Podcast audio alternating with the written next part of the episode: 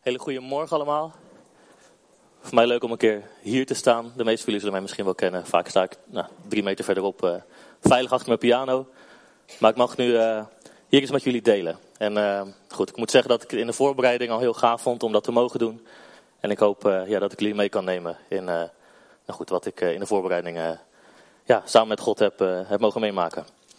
Um, allereerst was mijn gedachte om de boodschap over zoiets te laten gaan als goed voorbeeld doet volgen of het goede voorbeeld volgen.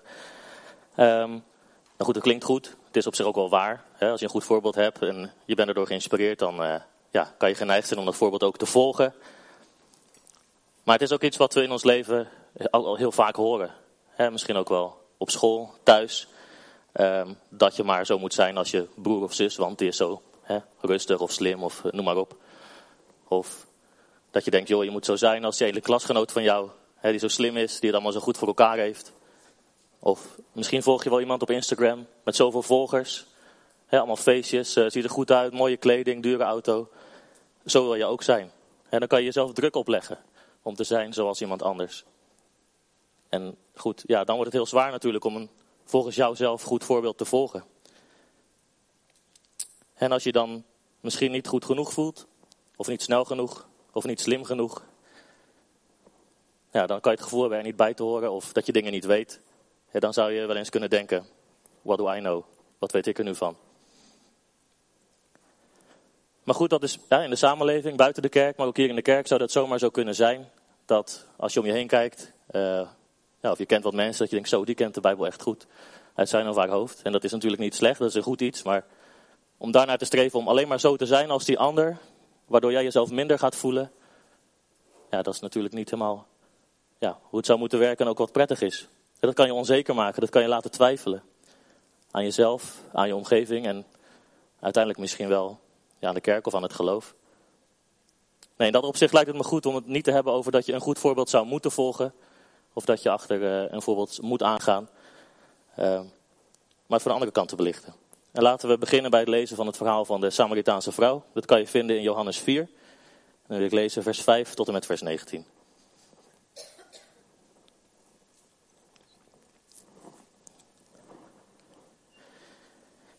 Er staat, zo kwam hij, dat is Jezus, bij de Samaritaanse stad Sigar, dicht bij het stuk grond dat Jacob aan zijn zoon Jozef gegeven had, waar de Jacobsbron is. Jezus was vermoeid van de reis en ging bij de bron zitten. Het was rond het middaguur. Toen kwam er een Samaritaanse vrouw water putten. Jezus zei tegen haar, geef mij wat te drinken. Zijn leerlingen waren namelijk naar de stad gegaan om eten te kopen. De vrouw antwoordde, hoe kunt u als Jood mij om drinken vragen? Ik ben immers een Samaritaanse. Joden gaan namelijk niet met Samaritanen om. Jezus zei tegen haar, als u wist wat God wil geven en wie het is die u om water vraagt, zou u hem erom vragen en dan zou hij u levend water geven. Maar heer, zei de vrouw, u hebt geen emmer en de put is te diep. Waar wilt u dan levend water vandaan halen? U kunt toch niet meer dan Jacob, onze voorvader?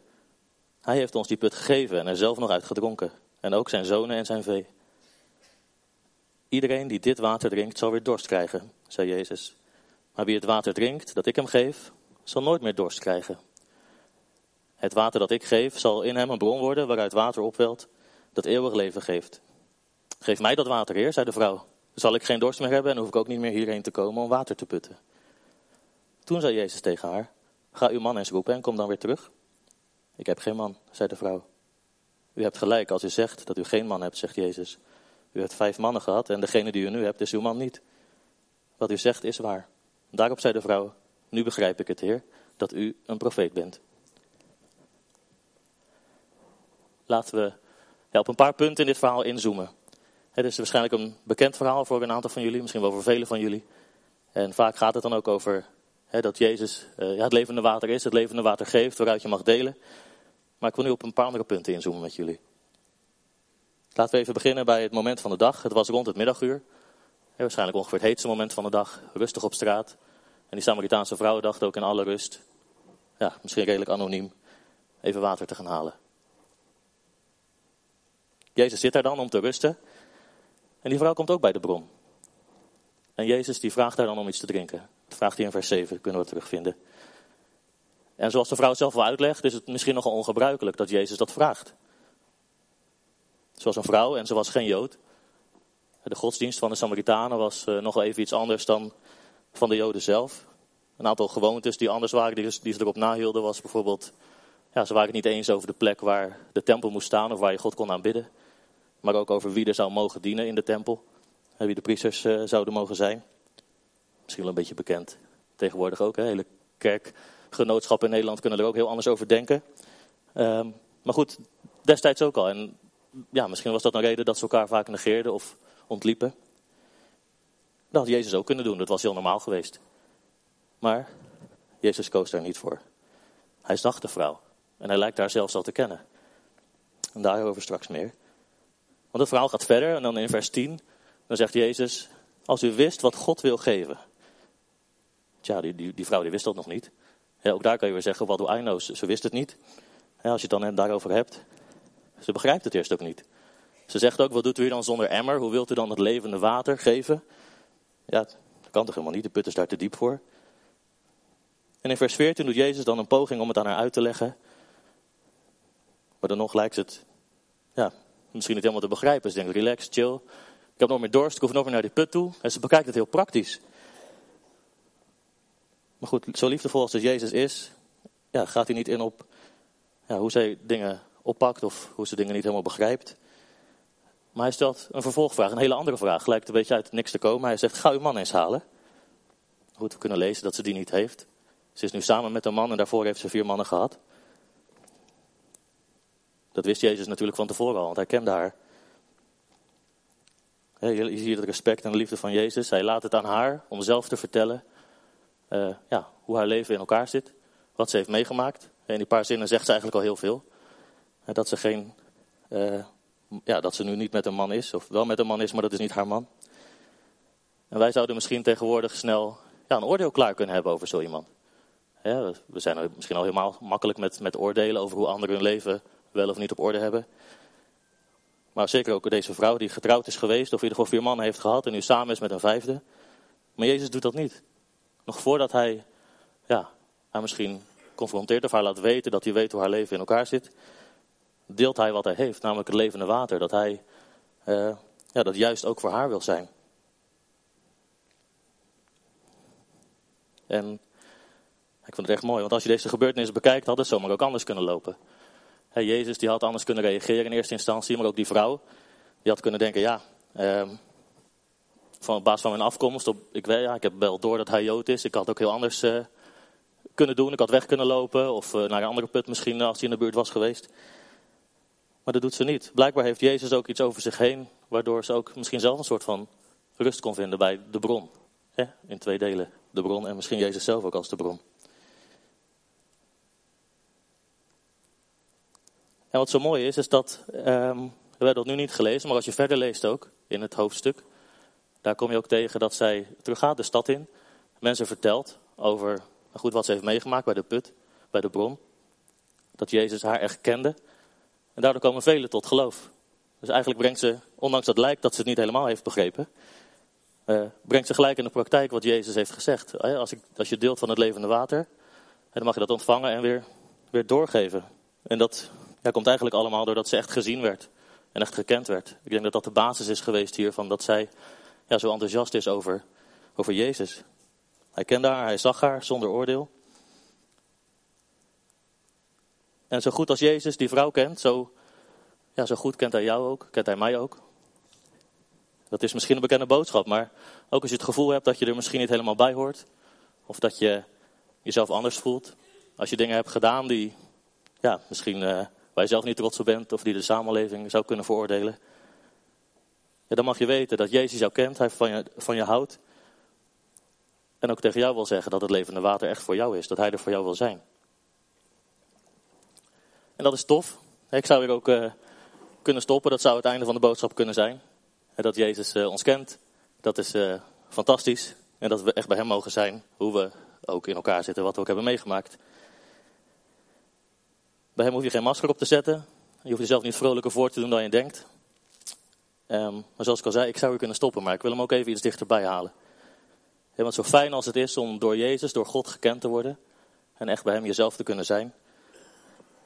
Ja, hoe fijn zou het zijn als dat ook hier in de gemeente zo zou zijn. Ik werd daar ja, bij stilgezet in de voorbereiding. Dat ik dacht, hoe is dat eigenlijk hier in de gemeente? Voelen wij ons echt gekend door de ander? Door degene die om ons heen zitten? Door degene met wie we omgaan of praten? Als iemand vraagt straks bij de koffie of de thee of de limonade. Uh, hoe gaat het met je? Zeggen we dan meer dan alleen ja, prima? Of ja, laten we echt een stukje van ons hart zien of van ons leven? Laten we ons daarin kennen. En doen wij ook ons best om de ander te leren kennen. Ik denk dat dat iets is ja, wat, het, wat iedereen wel heeft, een verlangen om gekend te worden. Maar ik vind het misschien soms zo moeilijk om ja, onszelf kwetsbaar op te stellen, maar ook om de ander echt te leren kennen. Misschien doen we ons daarom vaak anders voor dan we zijn, bewust of onbewust. dat kan zijn door de druk in de samenleving, druk die je zelf hebt opgelegd, waar ik eerder al naar refereerde. En in de voorbereiding hoorde ik een lied, een nieuw lied van het Ademproject, dat eigenlijk hierover gaat. Het is nogal een vrij moderne tekst. Misschien dat, ik hoop dat de jeugd het in ieder geval allemaal begrijpt. Misschien de ouderen soms iets minder, wordt wat straattaal gebruikt, maar wordt ook gebiemerd als het goed is. Um, dus laten we er eerst even naar luisteren voordat ik uh, met jullie verder ga. Het lied heet Ken mij van het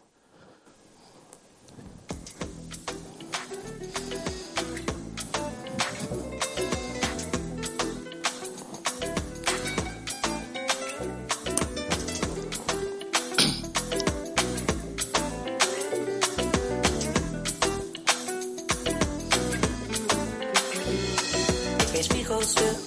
ontwijken. Heb ze altijd al gehaat. Wil er liever niet in kijken. Wil niet weten hoe het staat om mij te zijn. Ben al lang niet wie ik wou zijn. Die kijk verder dan die outside. Alle fashion up benauwt mij.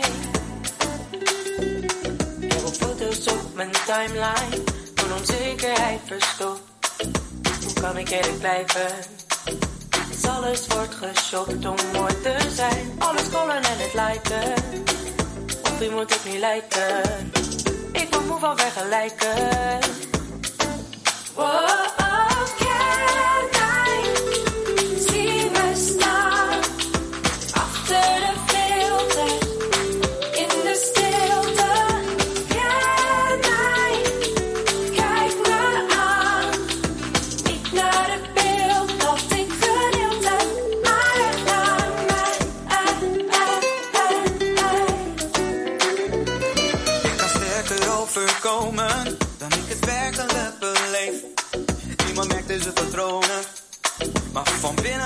Te scheef. Het lijkt nu wel alsof ik gehersenspoeld ben.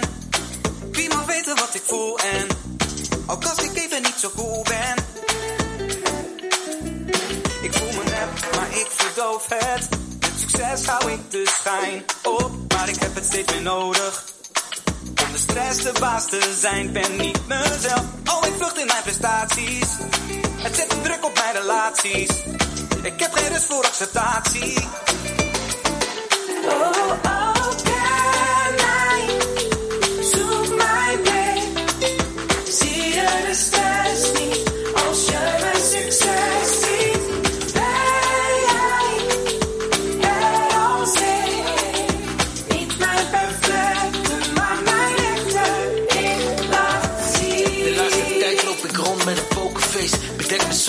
Niemand ziet dat ik overleef. Ik ga ver voor die logos op mijn sweaters. Ga ver voor die leegte in mijn hoofd met al die gekte.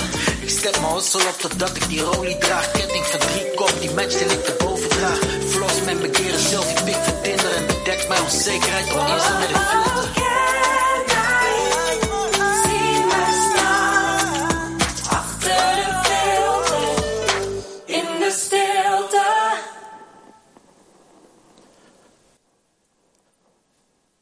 Best wel even confronterend voor mij toen ik dit lied hoorde. Ik dacht hoeveel van de huidige jeugd, niet per se alleen in de kerk, maar ook daarbuiten, zullen dit herkennen. dat je het gevoel hebt dat je filters ja, voor, je, ja, voor je leven moet zetten om er maar bij te horen.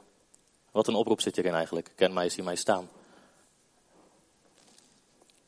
Waarschijnlijk is het herkenbaar voor velen, dat verlangen. En ik zou dan ook een oproep willen doen aan ons allemaal als gemeente maar misschien ook wel extra aan de oudere generaties om de jongeren te leren kennen, om ze te zien, om eens te luisteren naar wat ze te vertellen hebben over hun leven, of te luisteren naar de herrie die ze luisteren.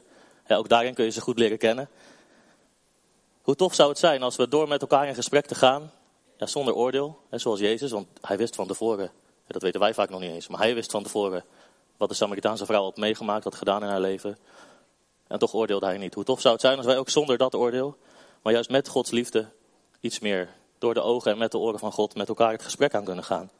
Dus niet alleen buiten de kerk, maar ook echt daarbinnen, juist hier. Dat dit een plek mag zijn waar we elkaar mogen kennen, elkaar mogen opbouwen. En dat we hier geen masker op hoeven te zetten. Dat we mogen weten dat we hier veilig zijn. En dat we niet hier hoeven te denken, wat doe I know? Maar dat we mogen weten dat we er hierbij horen.